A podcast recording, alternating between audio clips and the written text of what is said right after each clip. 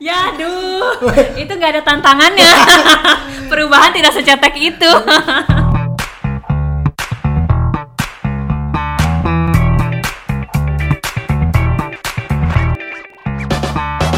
Halo guys people and listeners, kembali lagi bersama Ritvi yang akan menemani waktu mendengarkan teman-teman semua di mana pun berada. Tentunya masih di Focus Voice of Ghost Podcast Segmen LDR, Learning dari Rumah, episode ke-6 Alright, Ghost People and Listeners, akhirnya kita kembali lagi setelah Sekian purnama satu purnama aja sih sebenarnya kalau sebulan ya bang ya. Dan ketemunya sama kita lagi bersama Rizka Ridwi dan juga Babang Erwin. Karena memang ada- adanya kita berdua doang ya karena nggak ada lagi.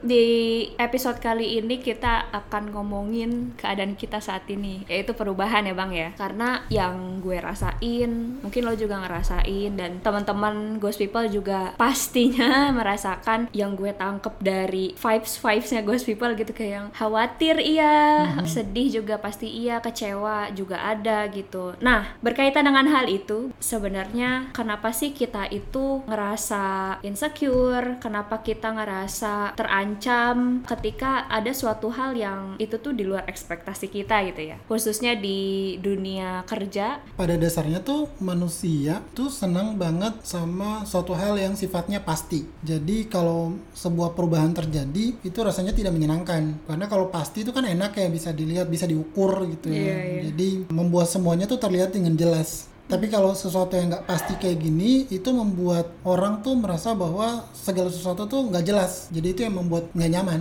jadi lebih nggak terprediksi gitu ya kayak gue kalau ada perubahan kayak gini gue harus kayak gimana gitu jadi nggak ngerti sama dirinya sendiri gitu ya harus Bener, kayak gimana bener. Padahal harusnya ghost people tuh paham banget bahwa perubahan itu pasti dan itu tuh nggak bisa kita hindari sama sekali. Dunia tuh yang bergeraknya menuju perubahan-perubahan gitu. Kadang ada perubahan yang sifatnya cepat, ada yang perubahan sifatnya lambat. Dan semakin ke sini, nampaknya segala sesuatu tuh akan lebih cepat.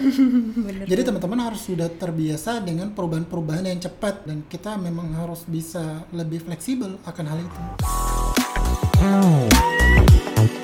Jadi gue pernah dapat info juga sih bang bahwa sekarang itu kita lagi bergerak ke era disruptif namanya ya, yang mana semua hal itu serba cepat. Kita sebagai orang yang ada di zaman ini juga mau nggak mau harus ngikutin kan. Mungkin untuk anak-anak muda, anak-anak yang sekarang masih SMP, SMA, buat mereka itu gampang gitu untuk ngikutin zaman yang serba cepat ini. Cuman buat orang-orang yang dari gue ke atas gitu ya, Lu mengklaster gitu ya. Makassar ya dari dari generasi baby boomers terus ke milenial. Contohnya, uh, Simel bisa tebak sendiri yang lagi dengerin terus baby boomers sungkem ya pak bu kita sebagai generasi-generasi yang sudah eksis sebelumnya perlu loh untuk belajar dari generasi-generasi Gen Y apa Gen Z memang harus sih. memang harus Bahkan contohnya kemarin di training gitu ya, kita masih dapat informasi yang terbarukan lagi Benar. untuk bisa diperbaiki ya dalam sistem training kita itu menurut gue itu keren banget. Oke lah, kita sudah mendigitalisasi feedback form Hmm. dan juga pre-test post-test ya. Cuman ternyata bisa mengakses itu dengan scan barcode ya. Iya, Dan kita dapatkan dari tim Tim kita, kita. ya namanya Adli. Iya. Cie.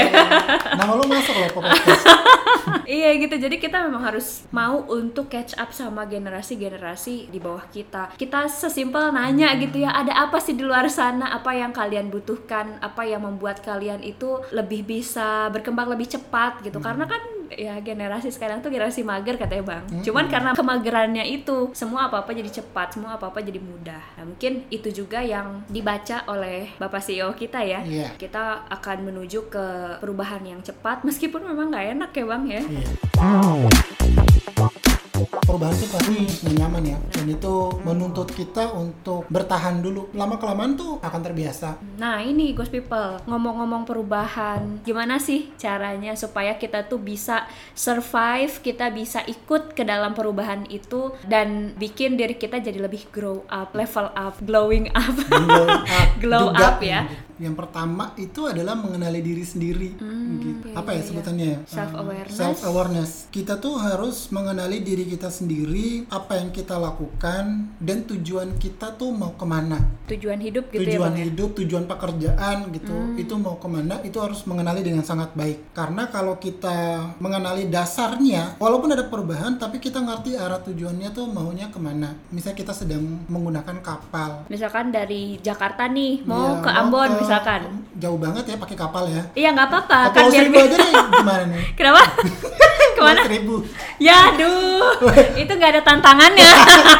Perubahan tidak secetek itu.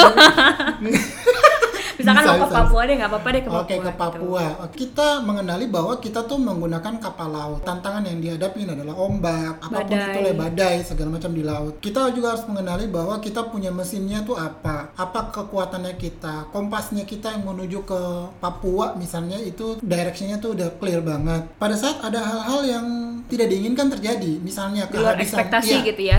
Kehabisan bahan bakar misalnya. Kita sudah punya peta nih. Oh, berarti kita harus singgah ke Surabaya dulu. Hmm. Kita singgah ke Surabaya, ambil perbekalan, memperbaiki mesin segala macam, tapi kita tetap jalan lagi. Karena kita udah tahu tujuannya kita mau ke mana.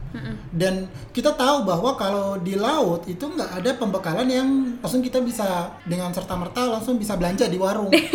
iya kan? Tuh. Iya. Beda kan kalau misalnya kita menyadari diri kita dari Jakarta ke Bali menggunakan mobil. Walaupun dari Jakarta ke Bali menggunakan mobil, di sepanjang perjalanan itu kan masih ada rest area misalnya kalau kita menggunakan tol gitu. dalam keadaan mendadak kita bisa singgah di berbagai macam tempat. Pada intinya adalah kita mengenali diri kita sendiri. Kita tuh maunya ke mana dan apa yang menjadi kekuatannya kita, kelemahannya kita itu kita mengenali dengan baik. Apa yang kita sukai, keahliannya kita dan kemudian tahu bagaimana cara mengembangkannya. Itu akan menjadi strength point di saat segala sesuatunya berubah. Selain kita aware sama diri sendiri atau self awareness kita ditingkatin, terus kita punya purpose atau tujuan hidup lebih spesifik tujuan bekerja kita apa. Ada satu hal yang tadi gue dapat insight dari lo adalah kita mengoptimalkan apa yang bisa kita lakukan. Kita fokus sama hal-hal yang bisa kita kendalikan, bukan hal-hal yang memang di luar kendali kita. Betul. Misalnya nih, eh, dari rumah ke kantor, biasanya melalui jalan yang sama setiap hari. Tiba-tiba ada di suatu hari di mana jalanan itu ada perbaikan dan membuat macet semacet-macetnya. Yang terjadi adalah biasanya kalau kita kayak gitu kan kadang marah ya. Wah, apaan sih macet apaan sih? Wah, tukang galian ya, tukang galian ngapain lagi sih sini? Pemerintah Kenapa? gimana sih? Pemerintah gimana sih? Nyalahinnya ke mana-mana. Padahal sebenarnya kalau dia mau marah juga nggak akan mereka berhenti gali juga Betul. gitu. Jadi mereka berhenti perbaikan jalan gara-gara kita marah enggak juga. Hmm. Karena segala sesuatu kadang terjadi yaitu di luar daripada kontrolnya kita. Tugasnya kita adalah bagaimana merespon stimulusnya itu, merespon apa pun yang terjadi pada saat itu. Nggak mungkin kan kita kayak macet nih mobil-mobil diangkat-angkat aja nih nggak bisa. Yang harus kita lakukan adalah bagaimana kita berdamai dengan situasi saat itu. Gua dulu kalau macet gitu, kemudian ada partner di dalam mobil, gue selalu bilang bahwa yuk cari topik yang bagus. Kenapa harus nyari topik yang bagus? Ya iya, terus mau bagaimana? Daripada, Daripada gue menggerutu, menggerutu, gitu kan. mendingan kita ngobrol-ngobrol santai di mobil, jadi kita lebih menikmati Iya, benar perjalanan juga. gitu. Nah terus ngomong-ngomong tadi soal respon ya bang, berarti kalau misalkan kan kita sekarang ada di tengah perubahan nih di kantor, kita tetap punya pilihan untuk merespon apakah lo mau gitu-gitu aja dengan skill lo yang seperti itu Hmm, aja, atau mau ikut perubahan dengan mengupgrade diri lo. Dulu kita merasa teknologi itu adalah hal yang ya bisa dipakai bisa enggak. Kalau sekarang harus pakai. Ada keharusan ada yang keharusan fardu ain pakai gitu, kayaknya. Jadi kayak misalnya dulu nih kita sebelum pakai smartphone, jadi orang-orang berubah dari handphone biasa misalnya dari BlackBerry ke smartphone gitu ada misalnya kayak ada WhatsApp gitu ya. Orang-orang kayak nggak apa-apa kan masih ada SMS, tapi sekarang nggak bisa harus menggunakan smartphone gitu. Betul. Nah apa yang harus dilakukan? Ya harus belajar skillnya. Bagaimana cara menggunakan smartphone, bagaimana cara menggunakan WhatsApp, sama seperti Zoom ah, itu yang paling krusial. Jadi pada saat orang dulu waktu sebelum pandemi, Zoom kan sudah ada sebelum pandemi. Orang menganggapnya bahwa eh kan masih bisa kita ketemu langsung. Ya udahlah meeting ketemu langsung aja lah. Nah, pada saat pandemi muncul, Zoom menjadi satu-satunya pilihan yang lo harus ambil. Mungkin ada yang lain ya kayak Google Meet. Google Meet dan lain-lain gitu. Tapi karena Zoom cukup easy digunakan Iya. ya, jadi orang terbiasa untuk menggunakan itu. Memaksa kita harus mempelajari Zoom kan Mm-mm. bagaimana cara setup meeting, bagaimana cara Share chat, screen. chat, chat, share screen dengan segala macam. Itu kan membuat kita memang harus belajar skill baru. Kan mungkin di kepala orang-orang gitu skill itu harus yang berat-berat gitu Enggak. harus yang Hmm. critical thinking lah harus yang problem solving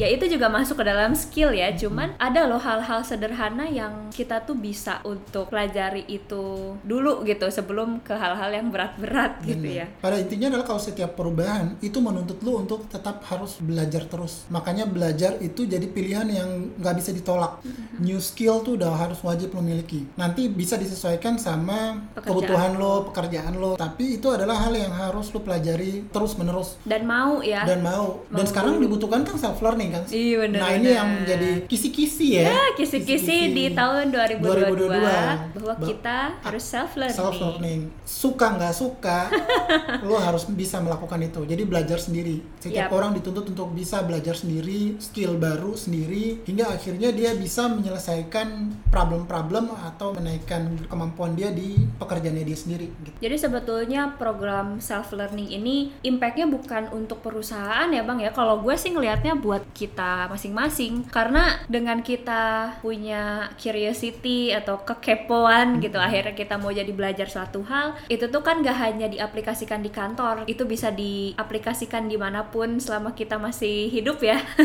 jadi jangan punya pemikiran bahwa ah iya disuruh belajar nih karena disuruh sama perusahaan, nggak gitu sih. Mindsetnya diubah dulu ya. Betul. Jadi self learning adalah kebutuhan bukan disuruh. karena kalau misalnya lo nggak belajar ya lo nggak akan berkembang lo nggak naik jabatan misalnya kalau lo nggak naik jabatan salary lo begitu begitu aja kalau lo masih tetap stagnan di tempat dan orang semua udah berkembang ya mungkin lo tidak bisa bertahan Iya, dan jangan sampai malah nyalahin orang lain gitu kan Iya. kayak bilangnya, "Oh iyalah dia kayak gitu karena dia punya privilege." Ya padahal orang itu mau belajar Belajar, gitu kan gitu. supaya dia ada di posisi itu loh nya aja nggak ngapa-ngapain gitu.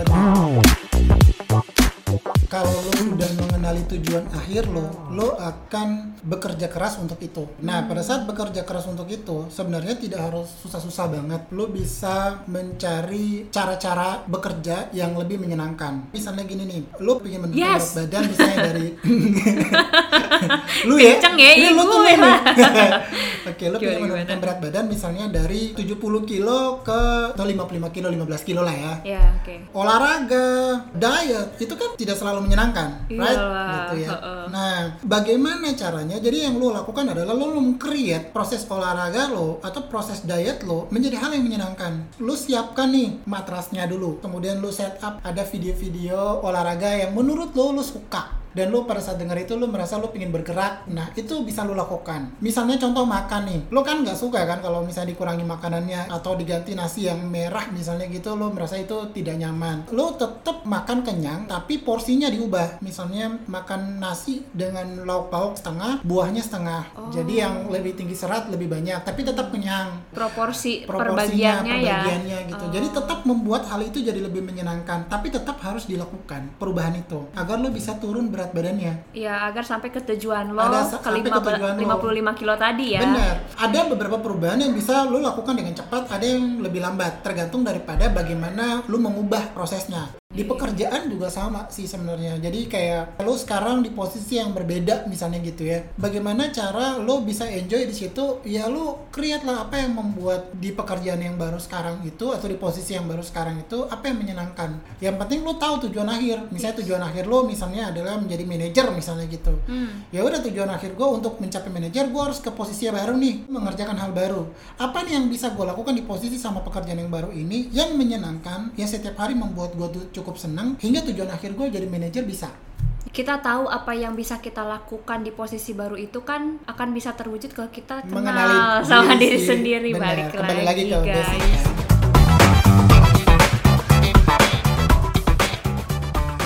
Fokuslah pada apa yang bisa kita kontrol dan bukan berfokus pada apa yang tidak bisa kita kontrol. Kalau kita bisa berfokus pada apa yang kita kontrol, kita akan lebih bisa berubah karena kita tidak akan bisa mengubah apa yang tidak bisa kita kontrol. Begitu guys people. Sedap. Yeay.